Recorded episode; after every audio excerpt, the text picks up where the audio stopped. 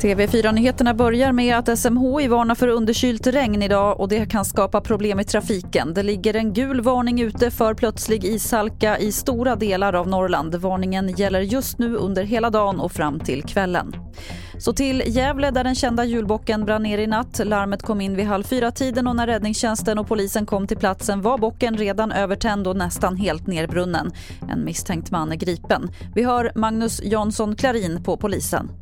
Ja, det är väl tråkigt såklart att den har brunnit. Eh, det är väl första gången sedan 2016 som, eh, som den här bocken brinner. Och vi har ju en person, eh, en man då i 40-årsåldern som är gripen misstänkt för det här just nu. Och vi avslutar på Youtube. Det är många där som är inne och tittar på spelet Minecraft. En biljon, alltså tusen miljarder klick har gjorts på de Minecraft-klipp som ligger ute.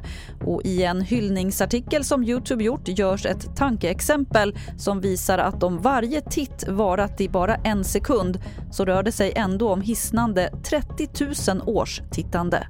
Fler nyheter hittar du på tv4.se. Jag heter Lotta Wall.